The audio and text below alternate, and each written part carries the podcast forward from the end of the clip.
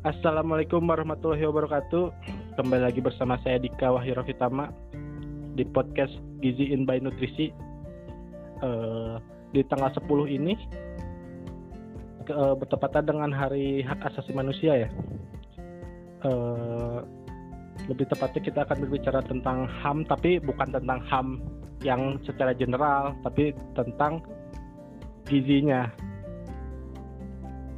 tentu saya saya nggak akan nggak akan ngomong sendirian karena kalau ngomong sendirian khawatir juga.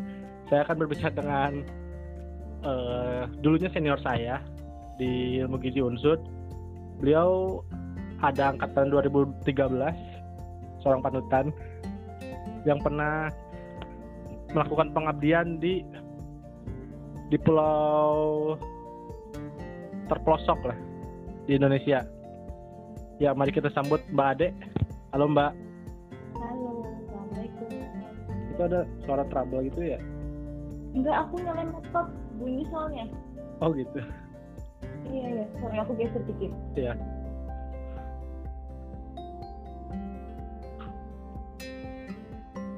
Makin kenceng ya, Mbak? Oh, iya, iya. Udah aku geser jauh loh. Aku ada yang sediain santekan sedikit nih. Oh gitu. Ya udah. Tapi tapi jelaskan suaraku. Jelas oke. Okay. Gimana Mbak? Apa kabar Mbak? Alhamdulillah baik sehat. Ya kalau boleh tahu sekarang kesibukannya gimana nih? Kesibukan sekarang sedang sebelah ya pernikahan. Oh mantap, udah mau nikah ya? Iya. Wih, alhamdulillah ya semoga lancar ya Mbak ya. Amin, seperti itu ya. Oh iya, amin. Amin amin, mudah-mudahan ya beneran Nah, terus kembali lagi ke topik Mbak. Aku kan mau ngajak ngobrol Mbak tentang hak asasi manusia di bidang gizi ya. Sebagaimana Mbak pernah melakukan pengabdian di pulau terpelosok lah di Indonesia gitu yang maksudnya eh, akses ke sana pun agak sulit gitu ya. Ya gitu ya Mbak ya. Kemarin di iya. Nusantara Sehat tuh berapa tahun ya Mbak kalau boleh tahu? Nusantara Sehat berarti aku mulai itu penempatan November 2018 dan tepat November 2020 selesai. Tugas dua tahun. Dua tahun ya? Pengabdian dua, dua tahun ya? Dua tahun. Pas. Oh gokil. Berarti sekarang udah dibalik lagi ke Purwokerto ya? Sudah sudah kembali lagi ke Purwokerto. Hmm. kemarin di mana sih mbak? Di NS itu di tempat ini? Aku dulu di Toraja Utara di Sulawesi Selatan. Wah, jauh juga ya. Dari Purwokerto berapa jam tuh? Dari ini aku ceritain perjalanan dari aku ke sana ya. Oh, boleh, boleh, boleh. Aku dari Purwokerto naik kereta. Naik kereta aku transit di Surabaya dulu. Dari Purwokerto ke, ke Surabaya aku naik kereta ya 12 jaman lah naik kereta oh. sampai Surabaya. Dari Surabaya aku naik pesawat dari Juanda, ambil penerbangan ke Makassar itu satu setengah jam sampai oh. ke Makassar terus dari ke Makassar aku harus ke kabupaten kabupatennya di sana namanya Rantai Pau Rantai Pau aku harus, naik bus 12 jam dulu sampai di Pau di kabupaten terus dari kabupaten ke puskesmas penempatanku itu naik lagi sekitar 2 jam ke atas. Jadi total kurang lebih 14 jam dari dari Makassar gitu ya?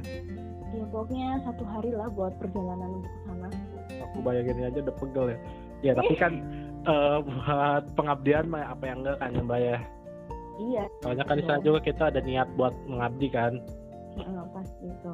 Hmm.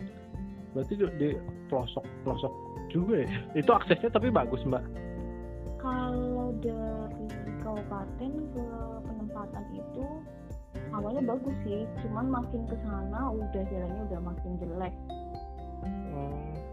jadi yang masuk oh. berarti cuma bisa motoran Enggak, motor bisa, mobil bisa. Oh bisa. Jalannya jalan ya jelek lah. Oh jal jalan yang penuh kesabaran ya. Hmm. Terus aku kebetulan dapetnya di daerah yang puncak kayak dataran tinggi itu. Wah, sinyal GSM dong. Sinyal itu. GS, geser dikit mati. Nah, pertama kali datang ke sana harus nempel jendela jadi handphone berjejer sekarang di jendela waduh harus keluar rumah dulu baru dapet sinyal terus kondisi di sana itu kalau mati lampu ya udah selesai sinyal bilang juga jadi mati lampu kita hilang kontak sampai lampu nyala itu baru kita dapet sinyal lagi. Tapi masuk 2020 ini udah lumayan sih maksudnya nggak harus kita duduk di jendela kita di dalam rumah aja udah ada sinyal oh, berarti Nah, perubahan dari tahun ke tahunnya berasa banget berarti ya pak ya? Berasa berasa. Wah gila sih. Nggak nggak ada sih. ya itu sinyal. Sinyal itu yang paling utama nomor satu untuk komunikasi. Iya komunikasi ya. Nah itu itu ada ada ada istirahat pulang dulu gitu nggak sih? Kalau istirahat pulang itu kita setahun dikasih jatah cuti sih cuti 12 hari. Oke 12 oh tapi di perjalanan juga udah pegel juga ya? Ya makanya makanya ditipu-tipu sedikit lah satu bulan pulang kampung nanti balik lagi gitu. Oke ada lah. Iya. Deh soalnya Iya. jauh sih jauh ya. Yang penting tapi yang penting kerjaan selesai dan ke cover gitu kan selesai ke cover semuanya. Iya sih. Terus keuntungan kita itu karena aku itu menggantikan NS yang sebelumnya. Jadi sebelum kami tim kami datang itu sudah ada NS yang mengisi dulu di situ. Jadi oke. yang membuka jalan yang memperkenalkan tentang NS itu NS yang sebelumnya. NS bed 7 eh bed 5 jadi dulu ada NS bed 5 yang pertama kali di situ mereka pernah digantikan sama tim kita yang baru. Itu jadi nggak terlalu kesusahan sih karena kita cuma tinggal melanjutkan bukan membuka yang pertama itu iya tapi tetap melanjutkan pun tanggung jawabnya gede juga kan? Nah, tetap sama. Sama aja ya cuman mungkin agak dipermudah ya dari di awalin ya. Karena sudah ada yang mendahului kami dulu yang lebih senior dulu sudah di situ. Nggak nggak tahu selesai mereka kami masuk. Gitu oke. Jadi kalau sebetulnya mbak ya kalau barangkali teman-teman ada yang belum tahu NS itu tugasnya ngapain sih di pelosok-pelosok tuh? Kenapa harus dikepelosok-pelosokin gitu? Oh, jadi NS itu kan salah satu program dari Kementerian Kesehatan ya. ya Dulu itu kayak apa ya program kerjanya? Apa itu? Menteri yang dulu ya. oke ibu itulah mbak ya. Pokoknya ibu itulah ibu yang sekarang sudah pensiun diganti sama Pak Terawan. oke. Jadi kita itu NS itu diberi tugas sama Kementerian Kesehatan selama 2 tahun di daerah terpelosok, di daerah terpencil itu gunanya itu untuk memberikan apa ya kayak hak asasi manusia yang paling dasar kan pemerataan kesehatan. Betul. Orang kan asasi manusia orang yang pertama itu dapat pelayanan kesehatan walaupun dia di tempat yang terpencil yang paling ujung dunia pun sebelah sana tapi dia masih dalam wilayah Indonesia iya mau nggak mau harus bisa kita berikan pelayanan kesehatan Iya, bis- bisa kerangkul kali ya jadi pelayanan kesehatan itu bisa merata sampai seluruh orang bukan seluruh orang sih seluruh rakyat Indonesia itu dapat. Iya. yaitu di situ kita dikasih tugas memberikan pelayanan kesehatan untuk masyarakat di sana yang mereka itu jarang jarang terkena uh, masalah kesehatan maksudnya jarang mendapatkan perawatan kesehatan lah gitu. Padahal kita tahu sendiri mereka juga butuh di sana. Karena akses itu ya mbak ya karena akses dari dalam tanda kutip transportasi jalan kayak gitu ya. Jadi sebenarnya di puskesmas rantai rumah ya aku kan tempatnya di puskesmas rantai rumah itu oke. Sebenarnya di puskesmas rantai rumah itu ada puskesmasnya terus ada pegawai puskesmasnya itu sebenarnya ada. Cuman mereka itu kurang terampil kurang apa ya istilahnya mereka rata-rata kebanyakan bidan dan perawat itu sedikit. Cuman bidan dan perawat yang mengisi di puskesmas rantai rumah Iya, sedangkan iya. ketika kita datang kita bertujuh tujuh satu tim tujuh orang kita bertujuh ada perawat nurse satu bidan satu casing satu gizi satu promkes satu apoteker satu dan analis kesehatannya satu. Jadi kami bertujuh itu paket lengkap istilahnya paket lengkap di situ. Jadi biasa orang kan datang mau periksa lab atau apa kan kalau misalnya ada ya. orang itu sendiri kan nggak bisa karena mereka cuma rata-rata bidan dan perawat. Jadi kita bertujuh Iya, iya. itu ya bersinergis ya Heeh. jadi setidaknya mereka oh gini tuh tugasnya apoteker tuh gini. Oh tugasnya kesehatan tuh kayak gini. Oh tugasnya gizi tuh kayak gini. Jadi mereka tuh tahu. Berarti itu ini program NS bagus banget ya buat buat pemerataan kesehatan penduduk ya? Nah sekarang aku balikin tanya aja sekarang. Kita kita nggak munafik ya. Kayak aku aku kita lah. Kita lulusan UNSU, kita lulusan di kota udah biasa hidup di kota udah ada mall pokoknya fasilitas akses dan segala macam enak. Mau nggak kira-kira ditempatkan di ujung dunia sana dengan nggak ada Alfamart kamu keluar tuh nggak ada susah susah juga ya. Iya, susah kamu mau nggak kira-kira ditempatkan di sana? Ya tidak dong. Ya kan? Bisa terjawab kan? Gak usah nonton nonton YouTube Indonesian Idol kalau gitu. nah itu ya tapi kalau misalkan diharuskan buat kalau kalau kitanya udah sadar sih kayaknya mau mau aja kayaknya ya. Tapi kalau misalkan ada pilihan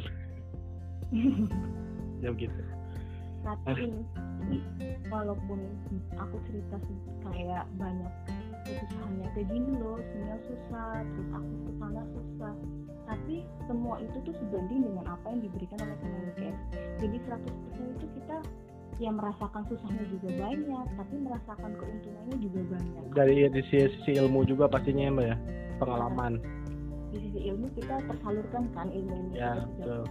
tersalurkan lalu praktek ke masyarakat pasti tersalurkan kemudian dari Kemenkesnya itu sendiri kita nggak dilepas tangan. Udah silakan kamu mengambil di situ dan silakan kamu kembangkan daerah situ tidak jadi dari Kemenkes kita dikasih rumah dinas oh, iya. listrik 100% kita nggak bayar air 100% kita pakai di situ. Ya kan?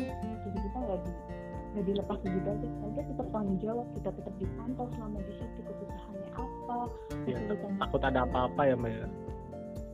Lapor. Tapi kalau dilepas gitu aja juga ngeri juga ya. Ya makanya itu makanya itu. Mana entah berantah di mana itu ya? Makanya itu.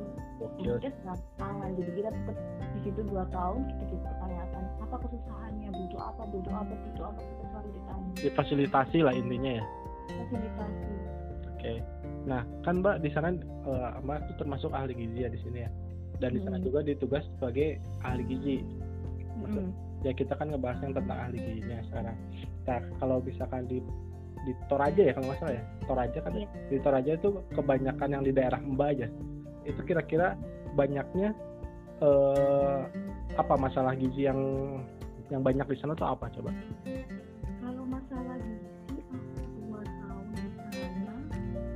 Stunting itu tinggi di sana Stunting. Jadi, Oke. nah, Toraja Utara itu dia peringkat empat nah, angka stuntingnya tinggi se Sulawesi Selatan Waduh. jadi Utara iya jadi Toraja Utara itu peringkat empat ya angka stuntingnya memang paling tinggi di gitu jadi kan di daerah puskesmas kan ada empat wilayah binaan Ya. ada empat wilayah binaan itu kayak daerah yang kita bina ada daerah Bengkulu, ada daerah Papan, ada daerah Rangkuman,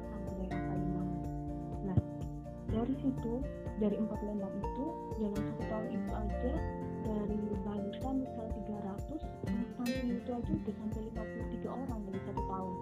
Dan itu yang paling utama. Karena sana kan Nasrani, Apa Mbak? jadi di sana mayoritas agamanya Nasrani. Oke. Muslim, Muslim tidak ada sama sekali di Toraja Utara. Oke, ya. Jadi minoritas di sana ya. Ada, cuman dalam jumlah. Jadi temanku aja itu yang cowok itu kalau misalnya Jumatan. Heeh, mereka harus turun dua jam dulu ke kabupaten. Di situ ada masjid besar, mereka baru bisa jumatan. Waduh, pahalanya gede juga tuh. Nggak bisa jumatan. karena di situ mayoritas eh, Nasrani ya. Oke. Muslim. Hmm. di Toraja Utara itu juga adat istiadatnya adat istiadatnya itu masih kuat jadi mereka itu percaya adat istiadat itu masih dibina itu tetap nomor satu. Jadi itu dataran tinggi tapi lucunya penjual sayur itu banyak. Dataran tinggi tanahnya subur Kok bisa ya? tapi penjual sayur justru banyak di sana. Dan rata-rata penjual sayurnya itu rata-rata dari Jawa. Jadi orang Jawa semua yang merantau ke sana terus Oh. jualan sayur di sana. Waduh.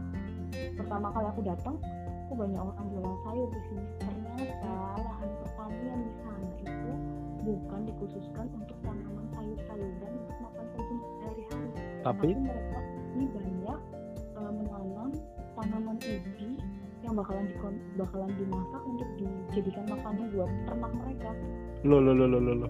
Bentar bentar bentar bentar. Jadi manusianya eh maksudnya masyarakatnya makan dari mas-mas sayur. Kalau dia mena- nanam buat hewan. Iya jadi mereka itu Waduh. nanam tapi nanamnya untuk makanan hewan bukan buat bukan untuk mereka konsumsi. Jadi walaupun kita di pegunungan sana bakalan ada tukang sayur yang setiap hari datang bakalan ada tukang ikan yang setiap hari datang di situ. Terus lagi di pasar ya kalau Nah, pintar kan? Terus kalau kita di bumi itu kita nggak usah kesusahan mau makan bisa mau makan bayam nggak bisa tinggal telepon sama tukang sayur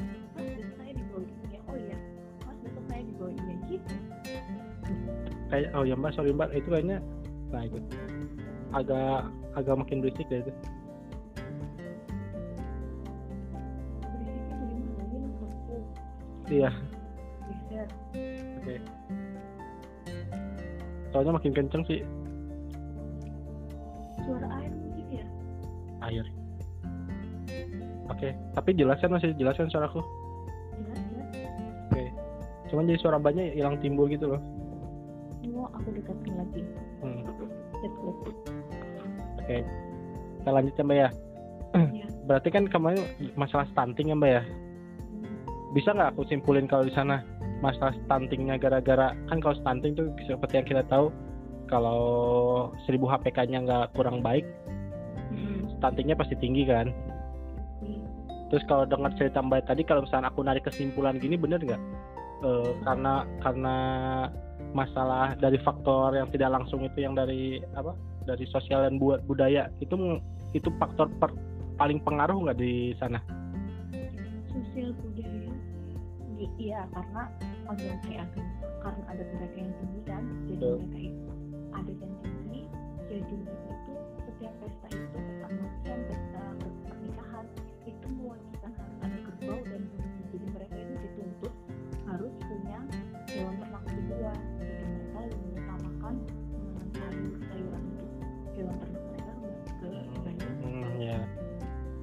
kemudian yang kedua itu lebih ke faktor pendidikan. Karena di sana rata-rata pendidikannya mohon maaf ya pendidikannya rendah jadi mereka itu eh, SD SMP SMA SD SMP SMA nah itu pendidikan jadi di sana pendidikan rendah dan saling perkawinan perkawinan jadi di sana tingkat pernikahan mungkin ya? Iya, jadi pernikahan dini itu di sana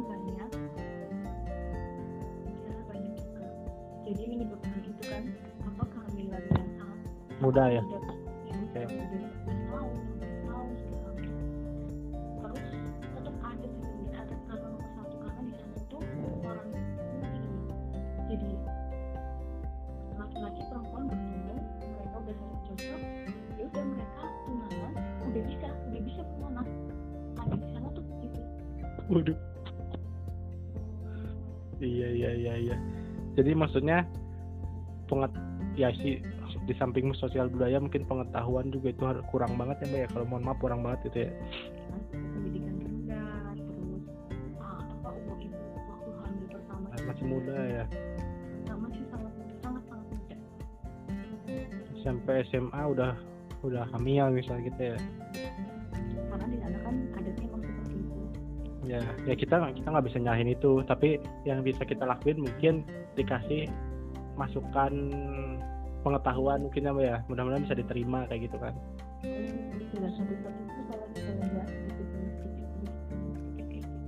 Berarti cara, cara penanggulangannya dari tim gitu gimana mbak? Ngasih penyuluhan gitu tiap harinya atau tiap ada event apa gitu? iya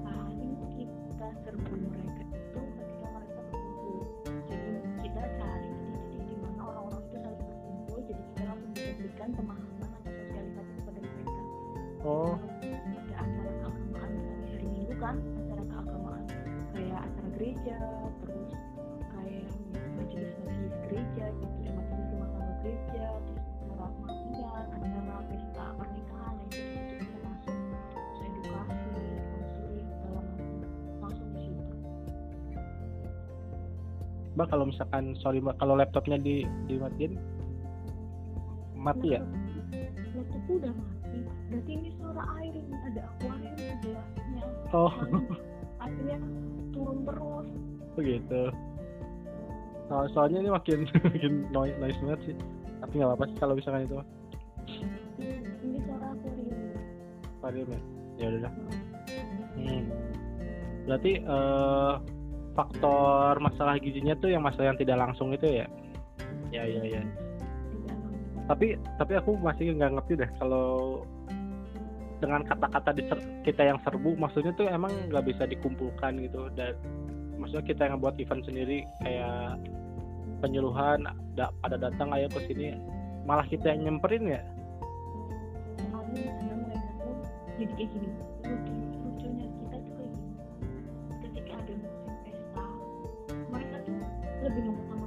jadi puskesmas itu benar-benar sepi.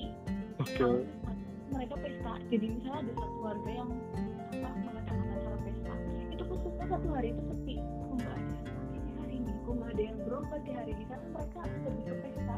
Pesta tuh bagi mereka nomor satu dibanding apa? Sekolah aja bisa libur kalau ada pesta.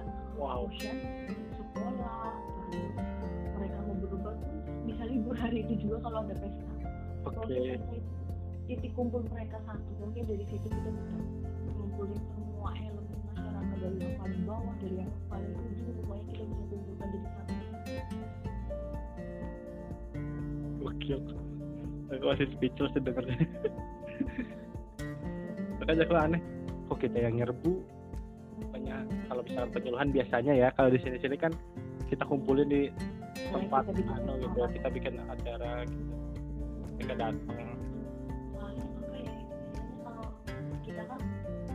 dapat undangan kan wah dapat undangan nih harus datang ke sana kita dapat ilmu dan segala macam jadi kan kita tahu Oke.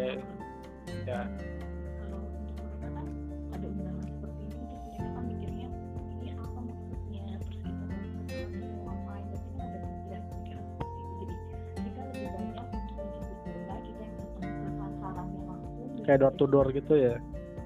Jadi jadi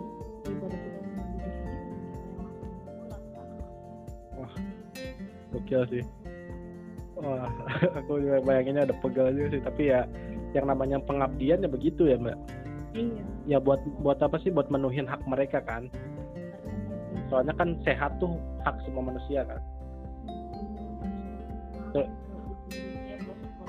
Iya, ter- terutama yang concern kita kan tentang gizinya berarti hak hak dia tuh kecukupan gizi kan, hak mereka tuh sorry kecukupan gizi kan, gitu ya mbak ya? iya.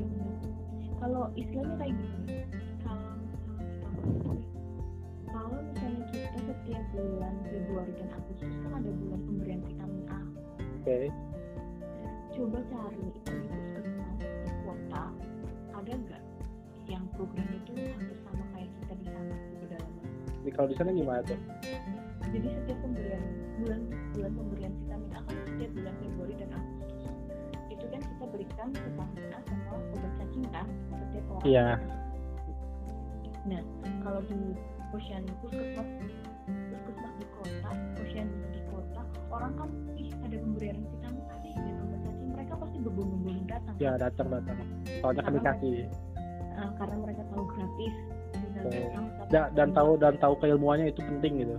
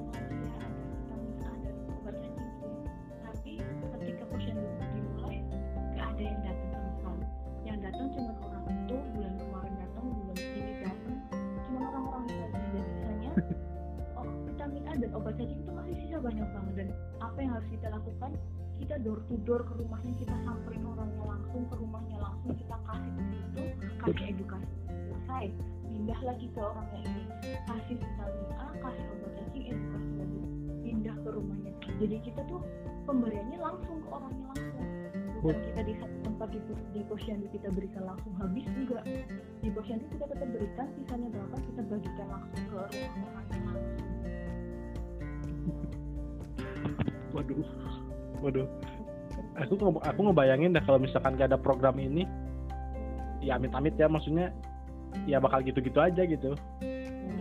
Ada ada program ini pun mereka ke- tingkat kesadarannya progresnya pel- pelan gitu ya.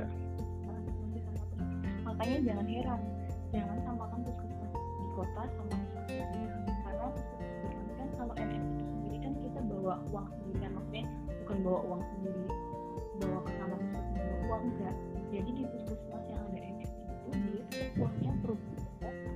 program pokok puskesmas Oke. ada program pokok puskesmas yang dari dinkes itu diberikan pilar-pilar sini kan ada 23 indikator nah indikator gizi ada 23 kita programnya apa aja di situ puskesmas sudah punya nah dari kami itu bawa uang sendiri uh, satu tahun itu kamu diberikan 250 juta itu kamu diberikan dari Kemenkes kita bawa ke puskesmas dan kita olah di situ inovasi apa yang bisa kita lakukan supaya 250 juta itu habis dan bisa merata ke seluruh warga jadi Oke. kita juga inovasi-inovasi misalnya kayak super PTN posting kita masuk masukkan bahwa program Wow.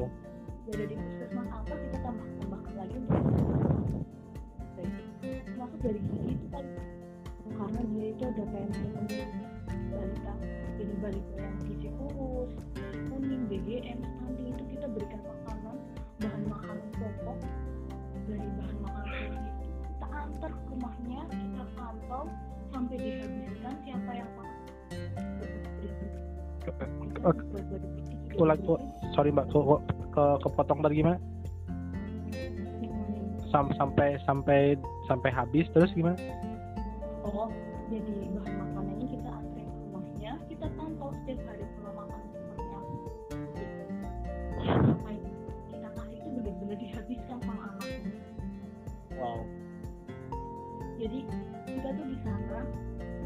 kerja dua tahun itu full. Ini sampai Senin sampai Minggu itu kita kerja terus. Setiap hari kerja ada terus kegiatan lapangan. Jadi kita lebih banyak kegiatan lapangan ketimbang kegiatan puskesmas. Iya, iya pasti dong. Soalnya kan maksudnya kesadaran mereka pun nggak ada gitu buat datang sendiri ya. Kita harus yang yang jemput bola gitu. Iya kita sana. Ini Nah, udah kita dibebankan tugas itu juga betul. Itu kan tanggung jawab kita kan. dihabiskan silakan bagaimana caranya Iya. Itu lebih berapa berapa kali lipatnya KKN iya. KKN enak satu bulan kami dua tahun full Oh iya juga ya KKN satu bulan doang ya. Satu bulan ya begitu-gitu aja lagi. Ya bukan bukannya mereka kan maksudnya dibanding ini wah kacau sih. dan istilahnya kayak gini orang umumnya kerja dalam satu hari 8 jam. Kalau kami kerja 8 jam sih dalam satu hari. Cuman habis itu selesai itu kita merencanakan untuk besok ngapain lagi terus LPG pasti kan setiap habis kegiatan kan Ya pasti ada. LPG itu. LPG yang harus kita lihat apa kerjakan selesai kegiatan dan segala macam. Terus walaupun kita tinggal di rumah dinas dikasih fasilitas kita bebas air. Tapi kalau misalnya dalam satu misalnya jam satu malam jam tiga malam subuh dan pokoknya jam berapa ada pasien datang mau nggak mau kita harus layani Iya betul. mau nggak mau kita harus layani makanya kita buat tiket kayak buat tiket hari ini ini ini yang sini Yang dinas malam ya. misalnya turun ke ke kota atau ke mana gitu gitu gitu. Nggak bisa 100% kita Oh, ada ada Jadi- chance turun ke kota gitu. iya pasti. Kalau misalnya kita bosan atau ke kota belanja atau apa nanti Oh, naik oke. Kirain ya ya. Nah, kan itu tadi oh semuanya juga kendala. Kalau misalkan kendala ada nggak mbak kendala di sana penolakan? kalau kendala penolakan itu ceritanya dari dua tahun itu wah banyak banyak sekali pernah satu ketika bukan programku ya ini jadi sedikit menyimpang sedikit ke program yang lain Oke. jadi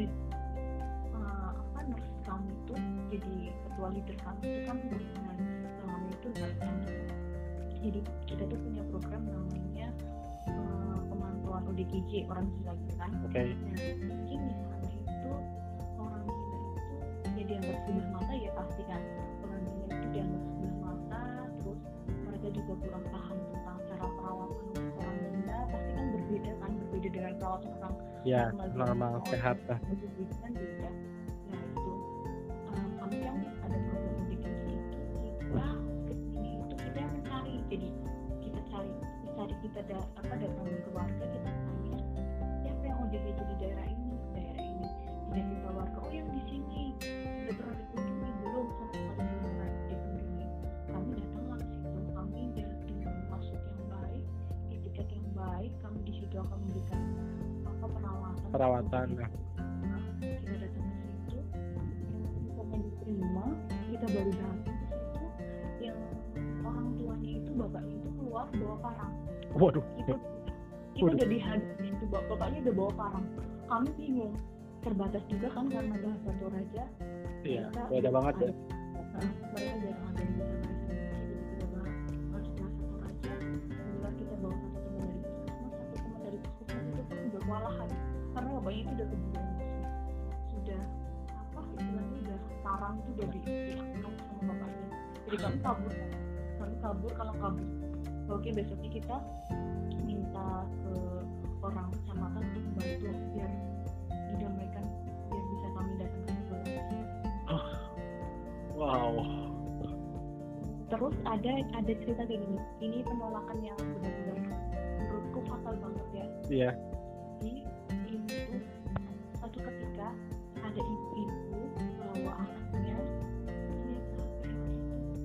fotonya jadi anaknya itu usia tiga bulan kalau nggak salah. Oke. Ibu datang ke puskesmas anaknya usia tiga bulan datang ke situ pertama di masuk ke poli kan. Masuk ke poli di diperiksa lah sama dokter kami. Itu diperiksa sama dokter kami. Terus dia ada ada curiga kan curiga tiga bulan anak tiga bulan kondisi datang perutnya kembung biru udah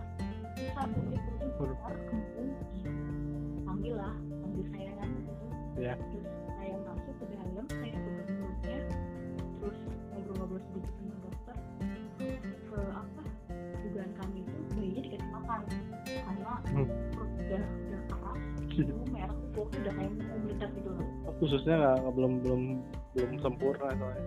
Kayak gimana? Sama ibunya.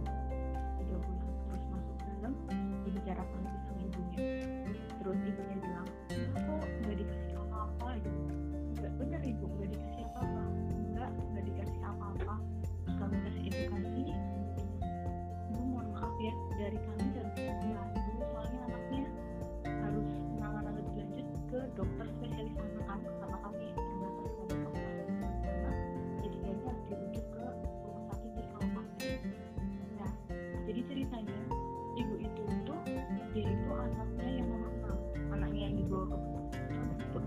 banyak juga ya Iya, jadi ibu itu tuh tinggal di dulu tuh hampir satu jam masih naik ke jadi puskesmas kami satu jam lagi naik ke sana dengan jalan berbatu-batu hutan-hutan belantara gitu. Ibu itu rumahnya di paling ujung sendiri. oke Di rumahnya paling ujung sendiri. Ibu itu katanya kata orang puskesmas keluarga bapak dan ibu itu dengan sama anak-anaknya itu dia yang paling. Oh Jadi iya. Rumahnya itu antipati. Ya Nah, di, di ujung dan di pagar rumahnya jadi rumahnya di ujung terus dikelilingi tebing gitu rumahnya di belakangnya tebing pokoknya rumah terus di depannya ada pagar di depannya lagi ada pagar gitu ada dua pagar besar di depan rumah itu menghalang siapa pun untuk masuk. Bahkan tenaga kesehatan aja dilarang untuk masuk. Ke jadi ceritanya gini dulu dia tuh melahirkan anak pertama kedua anak ketiga anak dia melahirkan normal terus di rumahnya anaknya nggak pernah imunisasi anaknya nggak pernah ditimbang berat badannya. Pokoknya 100% dia tuh nggak butuh yang namanya kesehatan oke. 100% dia nggak butuh yang namanya jadi ceritanya gini anak satu dua tiga empat dia melahirkan sendiri di rumah sedangkan anak yang kelimanya dia itu ternyata sungsang jadi oke. Mungkin juga ya dukun dukun desanya dia yang dia kewalahan. Aku nggak bisa. Aku nggak bisa. Ini kalau dilanjutkan bahaya. Iya. buat ke ibunya atau ke anaknya juga bisa bahaya. Akhirnya dari dukun desanya itu udahlah kita bawa ke puskesmas saja. Ketika dibawa ke puskesmas dalam keadaan yang sudah sangat parah seperti itu dan kita di situ udah bekerja secara maksimal bisa keluar anaknya lahir anaknya keluar.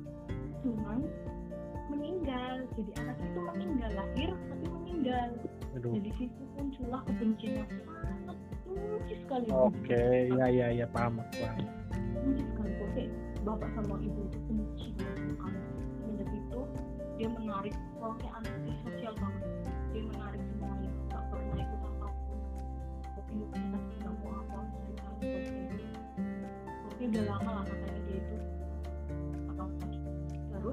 lahirlah anak yang keenam ini. Nah lahir anak keenam pun untungnya dia desa ketika dan kami yang nggak tahu lahirnya kapan sesingkat kapan jam berapa tinggi badannya berapa datang ke kami dengan enaknya anak kami udah seperti ini. Iya bu anak ibu udah seperti ini tapi sudah ini. Kalau nggak dibawa besok tapi tapi tapi selamat dah selamat setelah dibawa turun selamat namanya alhamdulillah. Dan dari situ kamu bisa kami tuh di sini bukan Tuhan kami tuh di sini bukan yang menggurui atau apa. Kita cuman pengen menolong doang ya mbak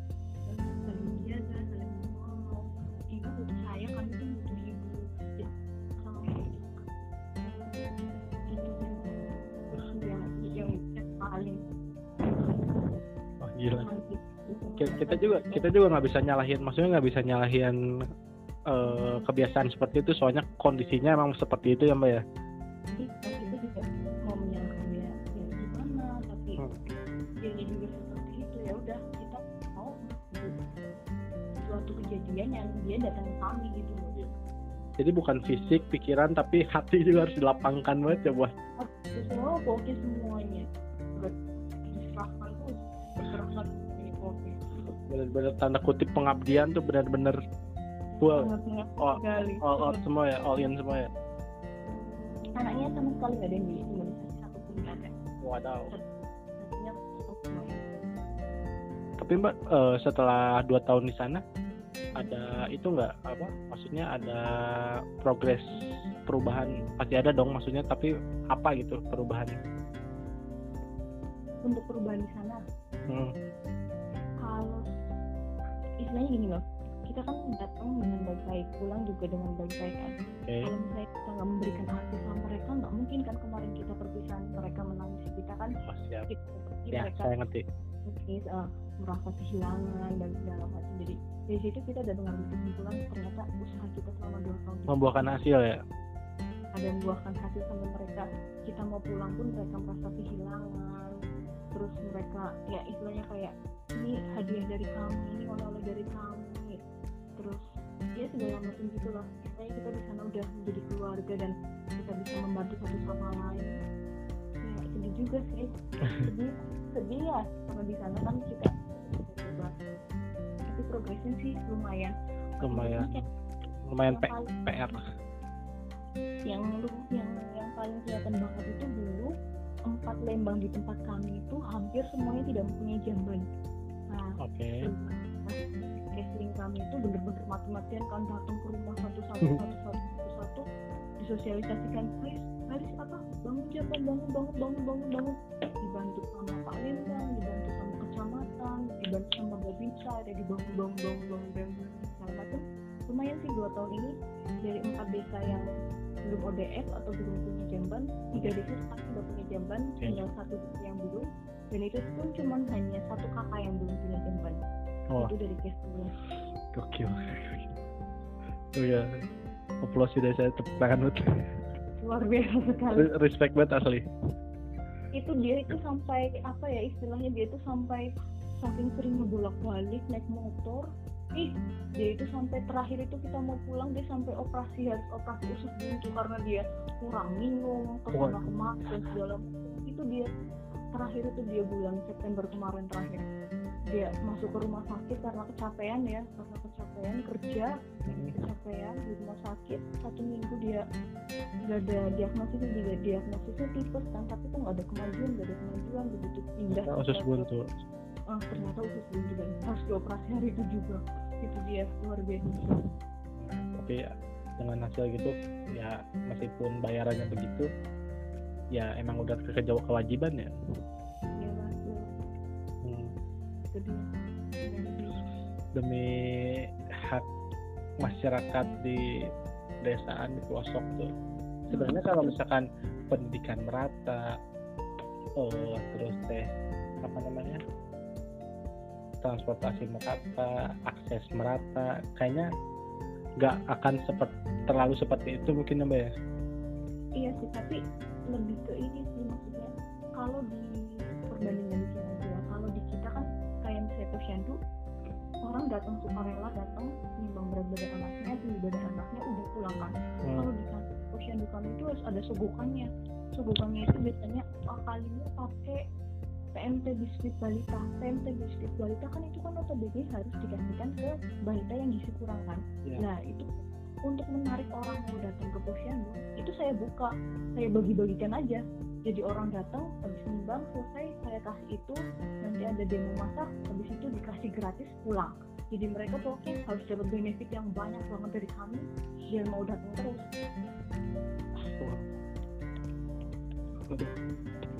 Ya ya soalnya kan apa harus itu itu kan sebuah proses ya mbak ya? Kalau kalau nggak gitu ya susah sih saya kan ngajak orang. Karena kalau kalau ngajak orang merubah orang kan memang sulit banget. Tapi kan bukan berarti tidak mungkin kan? Mm-mm. apalagi ini kan di tahun 2020 di awal ini kan covid ya.